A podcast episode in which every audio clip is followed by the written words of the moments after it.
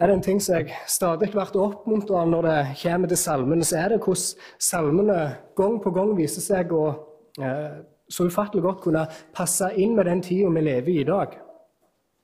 For jeg tror det Vi ofte har en tendens til å se på salmene som bare en samling av flotte sanger eller bønner fra Davids personlige liv, og at vi på en måte bare følger hans reise i hans trosliv. Men Bibelen forteller oss at hele Skriften er innåndet av Gud, og at den er nyttig til lærdom, til veiledning og oppdragelse, og at Bibelen den er noe å si, eh, si til oss om alle de forskjellige aspekter av vårt liv.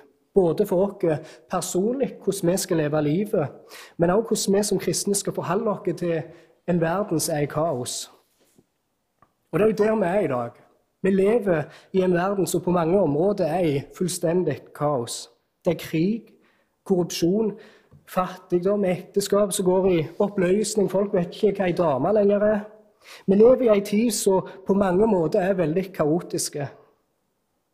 Og En kan gjerne, som jeg sa, tro at salmene bare er en samling av forskjellige sanger og bønner som beskriver Davids personlige liv. Men som vi skal se, så er Salme 12 virkelig en salme som taler inn i den tida vi lever i. Og den gir oss også hjelp til hvordan vi skal forholde oss til en verden som er i kaos. David han opplevde kaos. Ikke på et personlig plan denne gangen at han sliter med trua si, eller noe sånt, men det er omgivelsene rundt den. Og Der ser at David på ny ber til Gud om å frelse er pga. at lovløse og usle mennesker har fått makta i samfunnet som de lever i. En kan trekke fram flere ting fra denne salmen som vi skal gjøre, men jeg vil holde fram to hovedideer fra denne salmen. Og Det ene er at denne salmen viser oss at den lovløse sine ord er ikke til å stole på. Men det som vi kan stole på, det er Guds ord. Guds ord er til å stole på. Det blir satt fram en stor kontrast i denne salmen mellom den lovlause sine ord, som er fulle av løgn, opp imot Guds ord, som er rene ord. Og Vi skal se hva denne salmen forteller oss om dette. Salme 12 den starter så en del av de andre salmene vi har sett på, der David utpeker denne salmen til korlederen, som vi kan lese.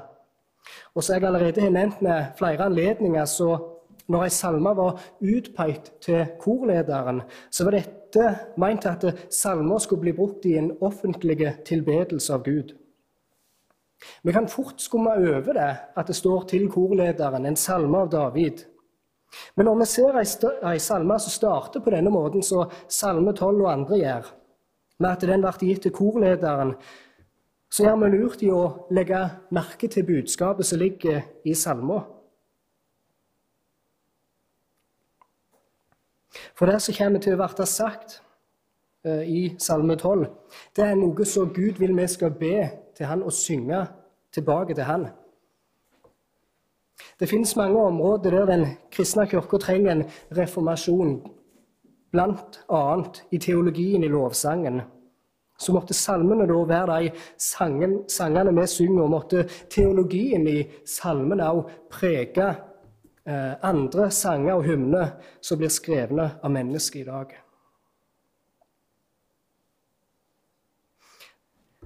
David som jeg sa, han opplevde kaos. Han var i trøbbel. og Derfor startet han denne salmen med å be til Gud om å frelse han fra den vonde tida han levde i.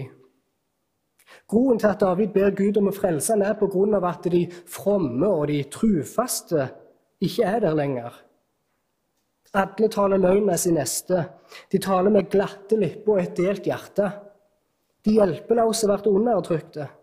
De fattige stønner, og som vi også ser i det siste verset i salmen, at lovløse går omkring pga. at det usle har fått makten blant mennesker.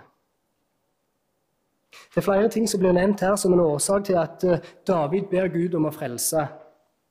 Men hovedårsaken det som får David til å be denne bønnen, er pga. at de fromme og trufaste ikke er der lenger. Når David her sier at de fromme og trufaste ikke er der lenger, så tror jeg ikke det er tilfellet at uh, alle de trufaste blant israelsfolket var blitt drept, og David var bokstavelig talt den eneste gjenlevende trufaste israelitten. For vi ser jo bl.a. i vers 6 at de hjelpeløse blir undertrykt, og de fattige stønner. stønner. Det er snakk om flere folk her, i tillegg til David som er offer for undertrykkelse. Så vi har her ei gruppe med hjelpeløse mennesker og fattige. Men så har vi òg ei gruppe som blir betegnet som fromme og trufaste. Så det jeg tror David her prøver å få fram, er at eh, disse her, de fromme, de, de gudfryktige, om du vil, de har mista innflytelsen i landet. De har mista innflytelsen i samfunnet. De som skulle være et forbilde, de som skulle være ledere, bærebjelker i samfunnet, de har mista sin innflytelse over lov orden og livet i samfunnet. Og hva er det da som skjer med et samfunn der de fromme og trufaste, de gudfryktige, konservative De begynner å bli slappe og lade i sin rolle, og når de mister sin innflytelse, hva skjer da? Jo, de etterlater seg et stort vakuum. Og hva blir da dette vakuumet fulgt med? Lovløse mennesker som går omkring og taler løgn med sin neste. Lovløse som snakker med glatte lepper og et delt hjerte. Lov og orden og rettferdighet, barmhjertighet, det forsvinner når de fromme og de trufaste mister sin innflytelse.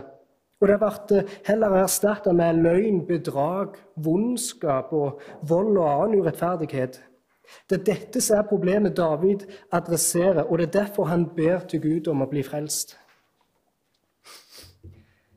Salmene beskriver forskjellige eh, aspekter av hvordan lovløse handler.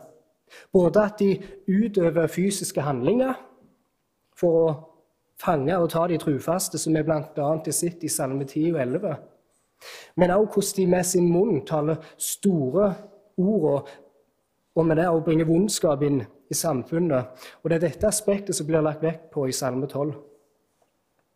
Men dette er ikke en form for tale som handler om å feilaktig anklage de rettferdige for å ha gjort noe urett, eller at de kun sier spottende ord. Men denne salmen fokuserer på at den lovløse taler løgn, og at de gjør det med et delt hjerte. De lovløse de smigrer sin neste, om du vil. Eller som vi gjerne sier i dag, at de, de smisker. De smisker med sin neste.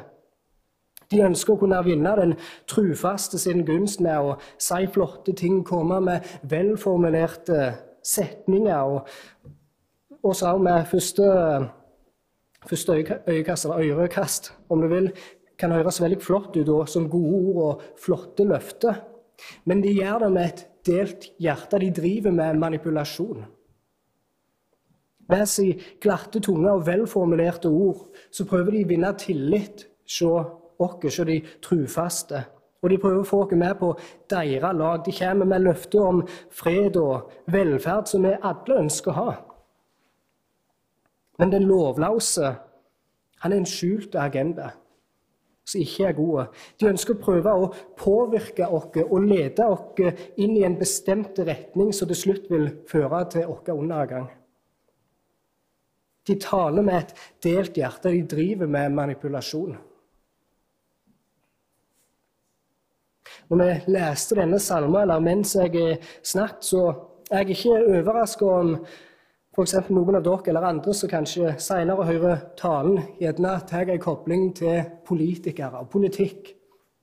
Når en hører om lovløse mennesker som går omkring og de sprer løgn og de driver med manipulasjon. Og det er å dra en parallell mellom de som blir beskrevet her i Salme 12, til politikk og politikere, er faktisk en legitime sammenligning eller en parallell å dra. Vi ser at det står at alle taler løgn med sin neste. Lovløse mennesker generelt opererer på denne måten, med å tale med et delt hjerte og med dårlige intensjoner. Men det siste verset i salmen snakker om at det usle får makt blant mennesker. Mange som i dag er kommet i en posisjon av makt og innflytelse, kommer ofte der med hjelp av manipulasjon og med å smigre sin neste, med å lure dem, komme med falske løfter.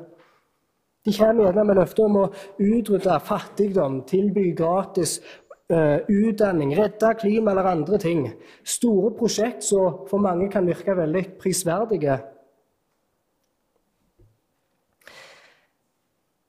Uh, noe som folk ønsker seg, men de utelater å fortelle hvordan de skal kunne tilby gratis utdanning, eller kunne eh, hvordan de skal kunne tilby å gi alle disse tingene, eller redde klimaet.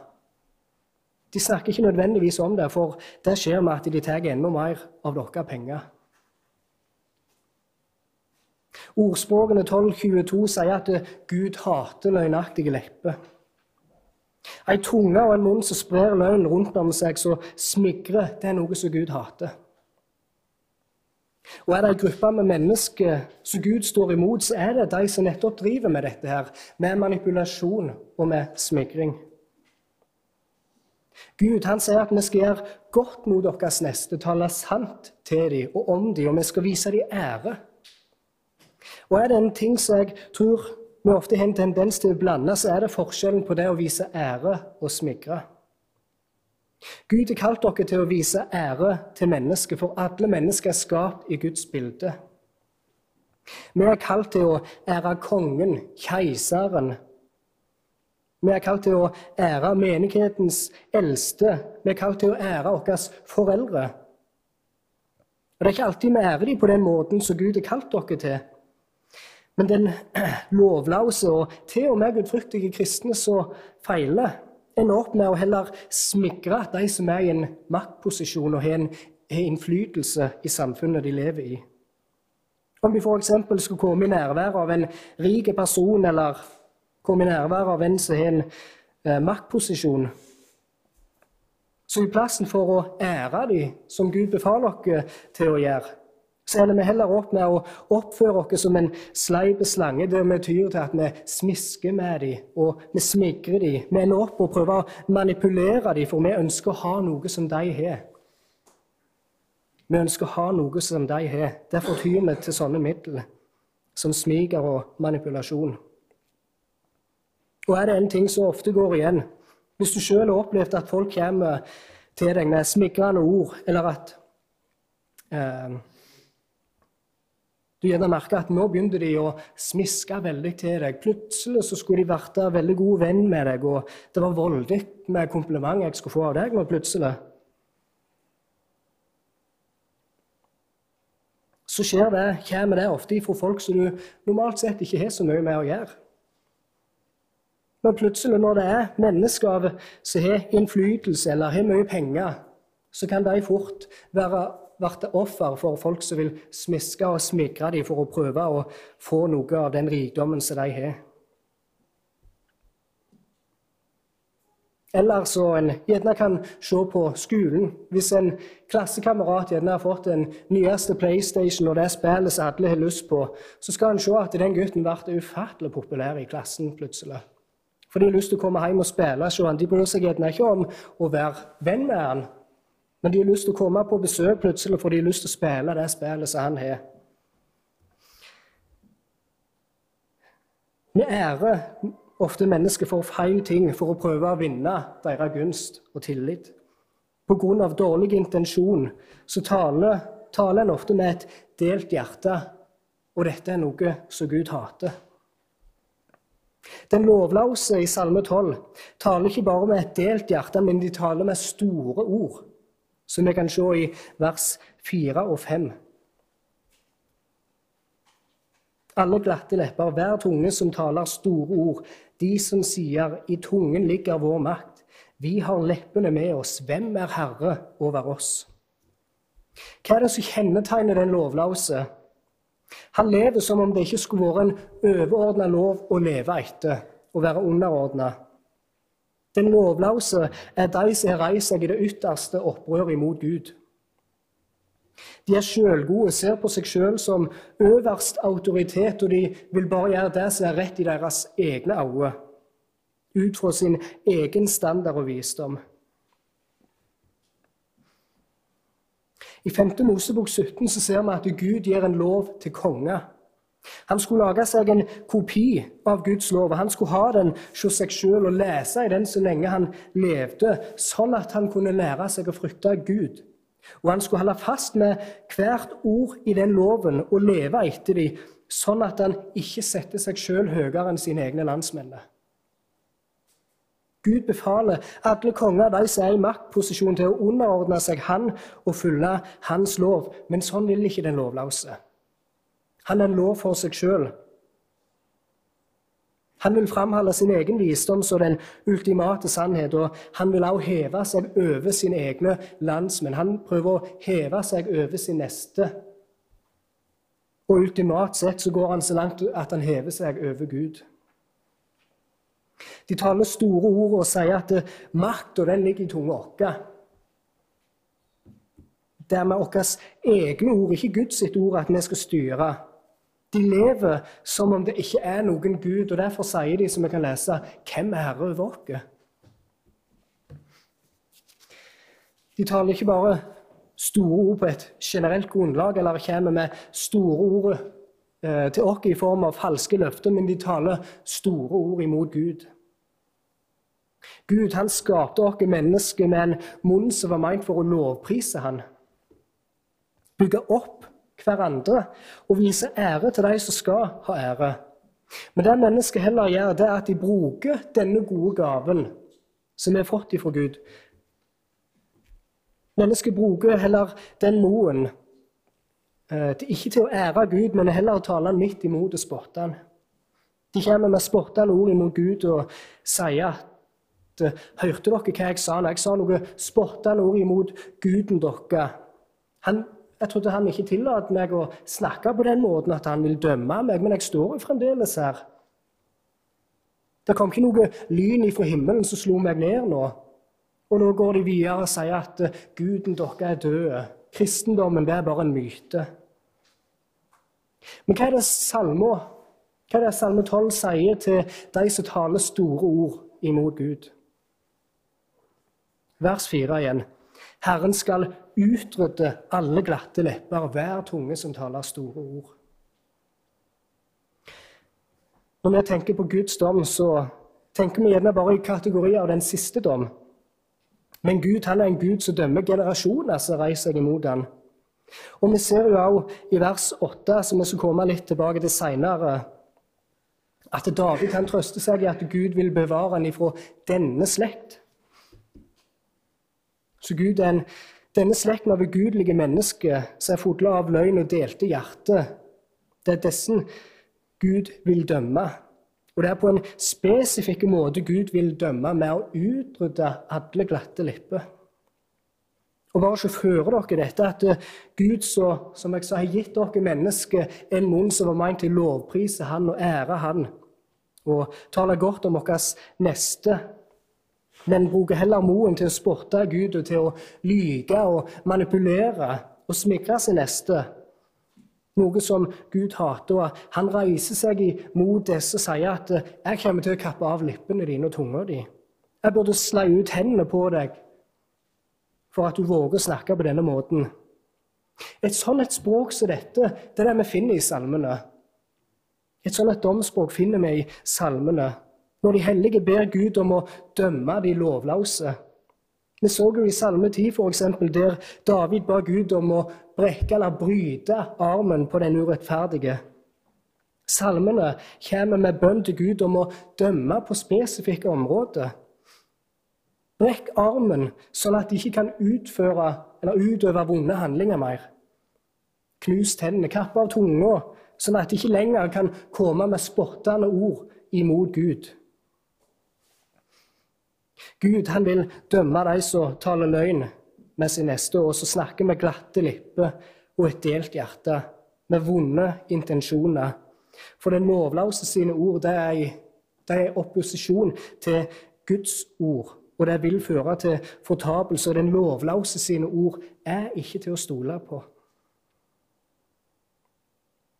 Så den lovløse med sine glatte lepper og hans ord er ikke til å stole på, men det som vi kan stole på, som salmetallet 12 også forteller oss, det er Gud og hans eget ord. Det kan vi stole på. Og Jeg vil bare vi skal lese fra vers 6 av igjen og ut salmer. De hjelpeløse blir undertrykt, og de fattige stønner. Derfor vil jeg reise meg nå, sier Herren. Jeg vil berge den som blir foraktet. Herrens ord er rene ord, sølv som er lutret i smelteovnen, sju ganger renset. Du, Herre, vil bevare dem, beskytte dem for alltid mot denne slekten. Når lovløse går omkring overalt, og det usle får makten blant mennesker. Guds ord er rene. Det er til å stole på, i motsetning til det lovløse sine ord som er korrupte.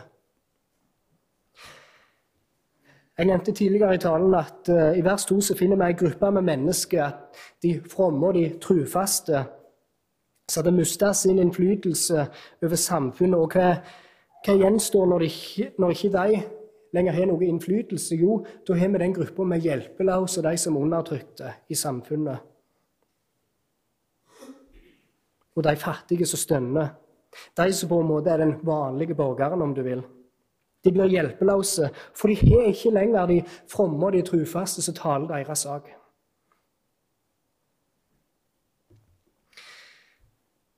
Men det som David her, som selv en hjelpeløs og undertrykte, gjør, det er at han ber Gud om å frelse, gripe inn og frelse.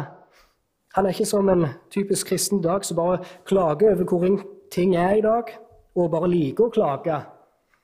Men David han ser situasjonen, hva som skjer, og han ber til Gud om å frelse.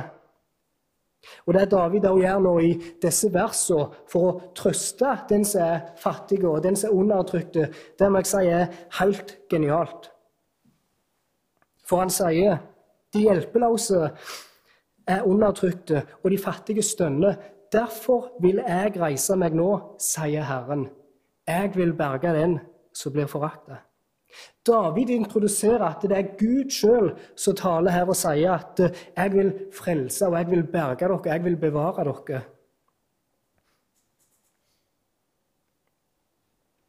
Du, Herre, vil bevare dem, beskytte dem for alltid mot denne slekta.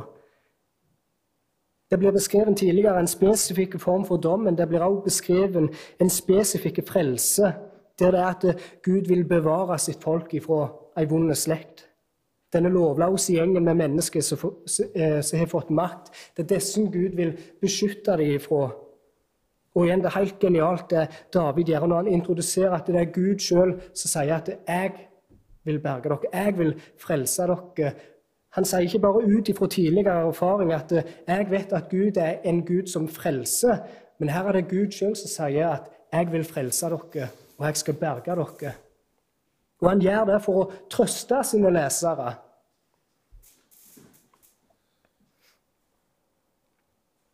Tilfellet som vi ser her i Salme 12 med lovløse mennesker som får makt, og når de da får makt og regjerer tyrannisk over befolkningen sin, så er det ikke alltid sånn at Gud kommer med befrielse med en gang en ser noen tendenser til tyranni. Israelsfolket f.eks. var jo i Egypt i over 400 år før de ble redda ut. Og det tok kanskje så lang tid før de skulle innse at Gud er den eneste som kan frelse oss. Så Gud bruker sånne anledninger der han ser at folk er under slaveri og tyranni. Og han tester sitt folk sånn at de skal komme i en hjelpeløse tilstand. Og det eneste vi kan gjøre, det er å rope 'Gud, frels oss'. Og som historien om israelsfolket i Egypt og andre historier som Bibelen forteller oss, når Gud ser sitt folk lide, så vil han ikke feile i å høre deres bønn. Han har ikke snudd ryggen til, han har ikke lukket øynene sine. Men han ser lidelsen der de må gjennomgå, og han vil frelse og han vil bevare dem fra ei vond slekt. Gud han hører bønn, han hører sitt folks stønn og rop, og han ser når at hans barn ble undertrykte, så sier han at 'jeg vil reise meg'. Og Måtte dette her være til trøst for oss, noe som kan gi oss tålmodighet i det vi står i.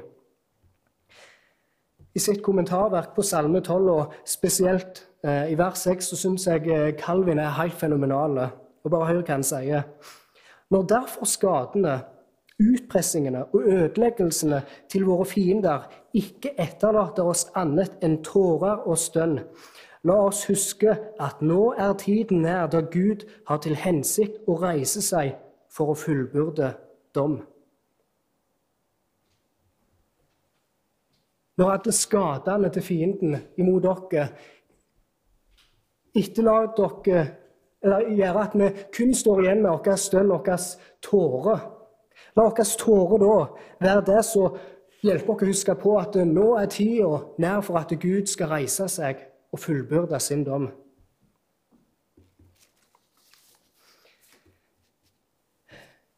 Hva er det som kan gi oss visshet om at Gud, når Han sier Han vil frelse og bevare oss, så vil Han gjøre det?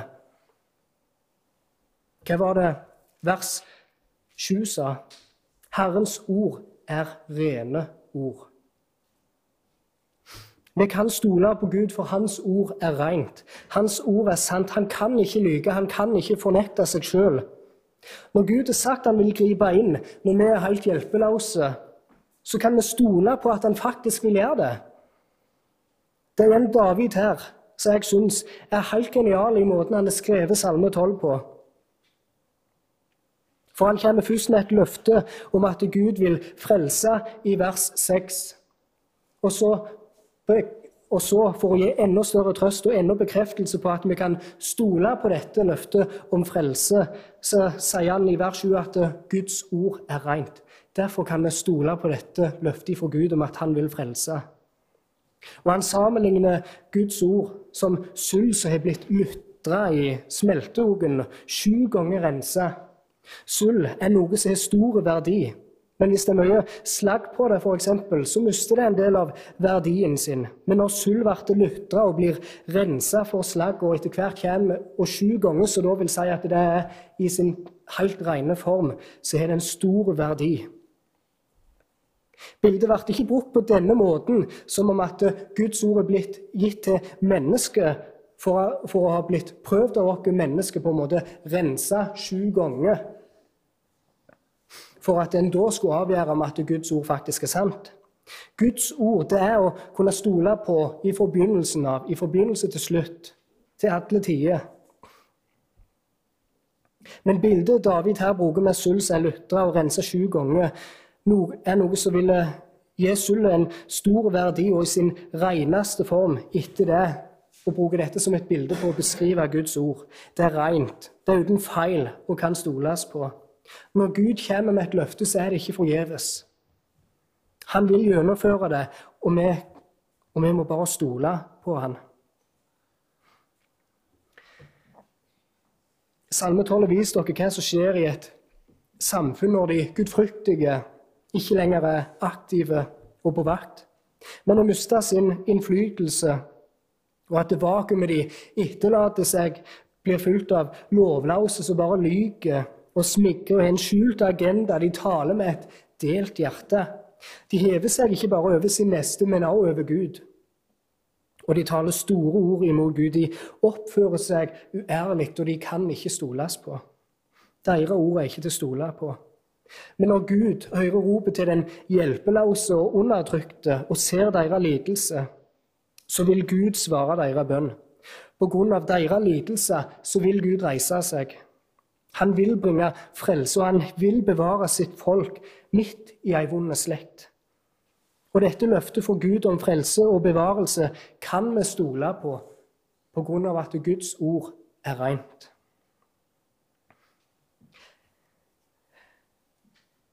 Jeg vil trekke fram noen siste applikasjoner fra denne teksten. Når vi lever i en tid som vi er i dag, og ser at lovløse mennesker i dag også får mer og mer innflytelse i landet vårt og i samfunnet, så kan vi fort se utover, fram med pekefingeren og peke på alle ting i samfunnet som er galt, og si at det, det er pga. dette det er mange lovløse i dag. Vi prøver å finne feil utenfor oss sjøl, men jeg tror at vi som kristne heller må innse at mye av grunnen til at ting ser ut som de gjør i dag, er pga. at vi som kristne har sovet i fredstider, og vi våkner opp til en verden i kaos. De, fromme og trufaste har ikke vært på vakt. De har mista innflytelsen, innflytelsen de hadde i samfunnet, som gjorde at eh, samfunnet blomstra. Men når lovløse mennesker får mer makt, så visner samfunnet. Guds standard ble viska mer og mer vekk fra store storting, fra ekteskap, fra menigheten. Familier går i oppløsning, urettferdige lover blir vedtatt, og fattigdom florerer. Over lengre tid så har vi kristne i dette landet, vi som Jesus kalte til å være jordens salt, vi har mistet vår kraft.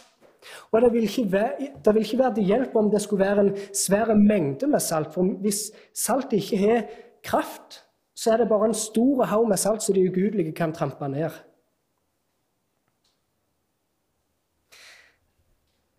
Vi må komme der at eh, vi er helt hjelpeløse.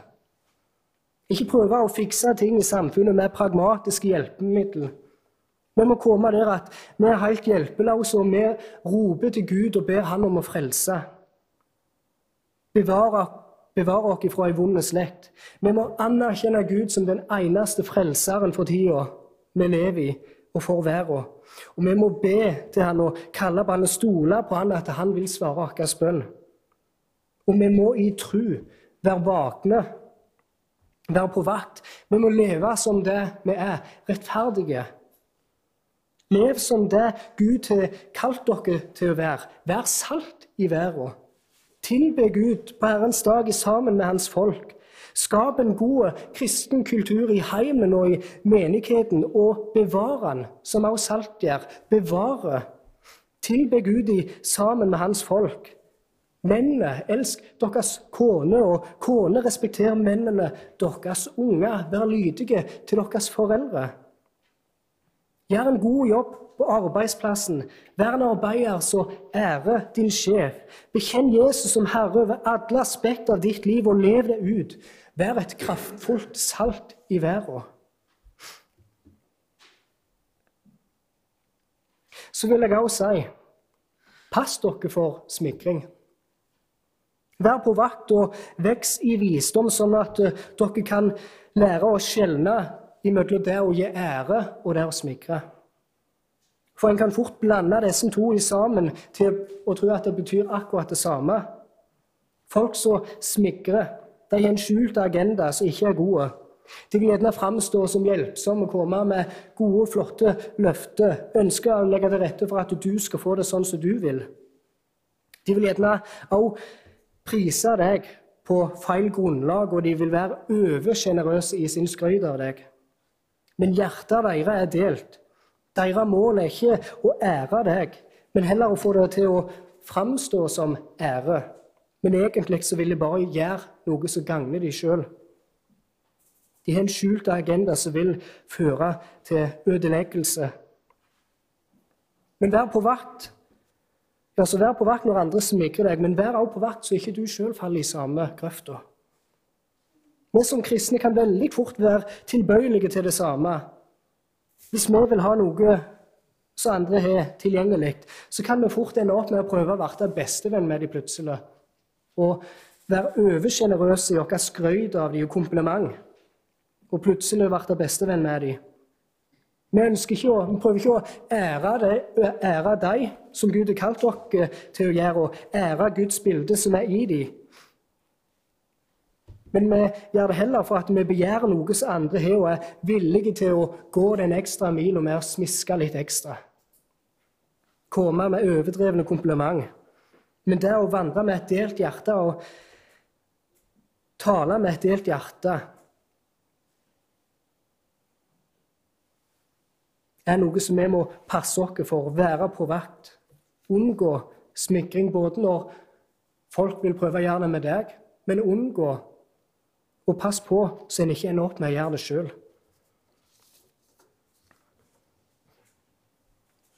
Helt til slutt så vil jeg bare ta litt om bønn. Og det at Gud er ikke en Gud som lar seg manipulere av at vi ber lange og flotte bønner. Jesus han kritiserte jo fariseerne for akkurat dette her. De ba lange og flotte bønner midt på torget, velformulerte setninger, og de gjorde det for at de ville bli hørt av folket.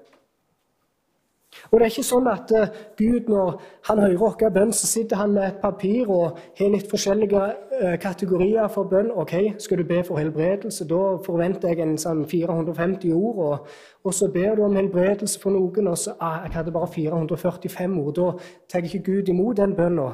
Det er ikke sånn det fungerer. Hvordan var det David ba i denne salmen? Frels meg, Herre. Tre enkle ord brukte han. Frels meg, Herre. Tre enkle ord.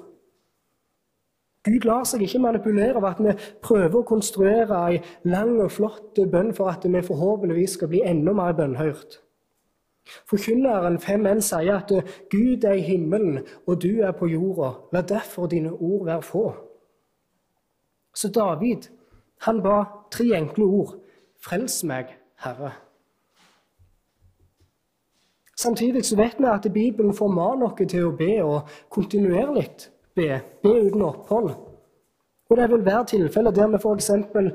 skal be for noen som er syke. Vi ber om helbredelse for noen. Så sier vi ikke nødvendigvis bare at eh, Gud helbred denne sykdommen, og så stikker vi derifra.